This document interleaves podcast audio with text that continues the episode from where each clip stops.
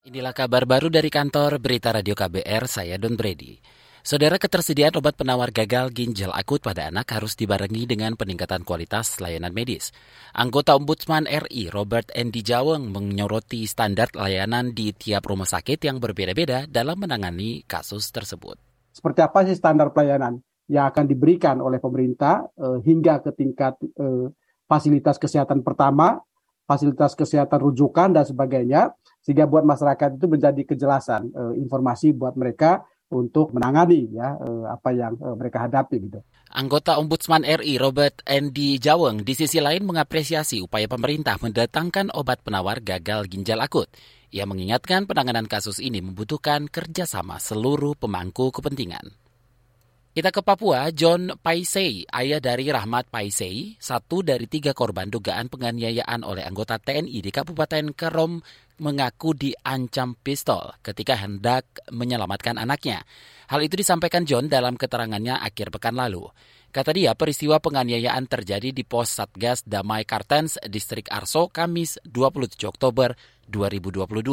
Anaknya, Rahmat bersama dua rekannya yang berusia belasan tahun, dianiaya karena dituduh mencuri burung kakatua. Langsung saya dipukul kena selang itu juga, langsung dipukul, didorong ke dinding mobil, langsung ditodong, dikepres-pistol ke saya.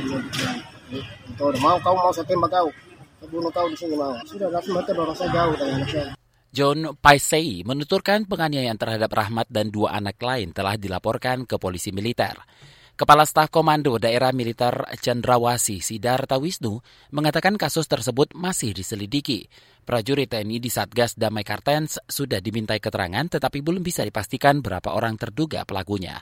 TNI menjamin kasus ini bakal ditangani tuntas.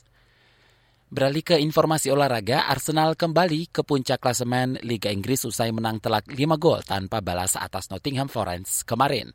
Reis Nelson menyumbang dua gol untuk The Gunners, sedangkan tiga gol lainnya masing-masing dicetak Gabriel Martinelli, Thomas Partey, dan Martin dan Martin Odegaard.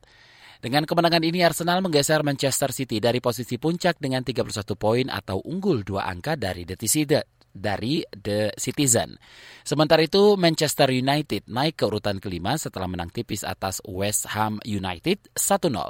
Gol tunggal setan merah dicetak Marcus Rashford.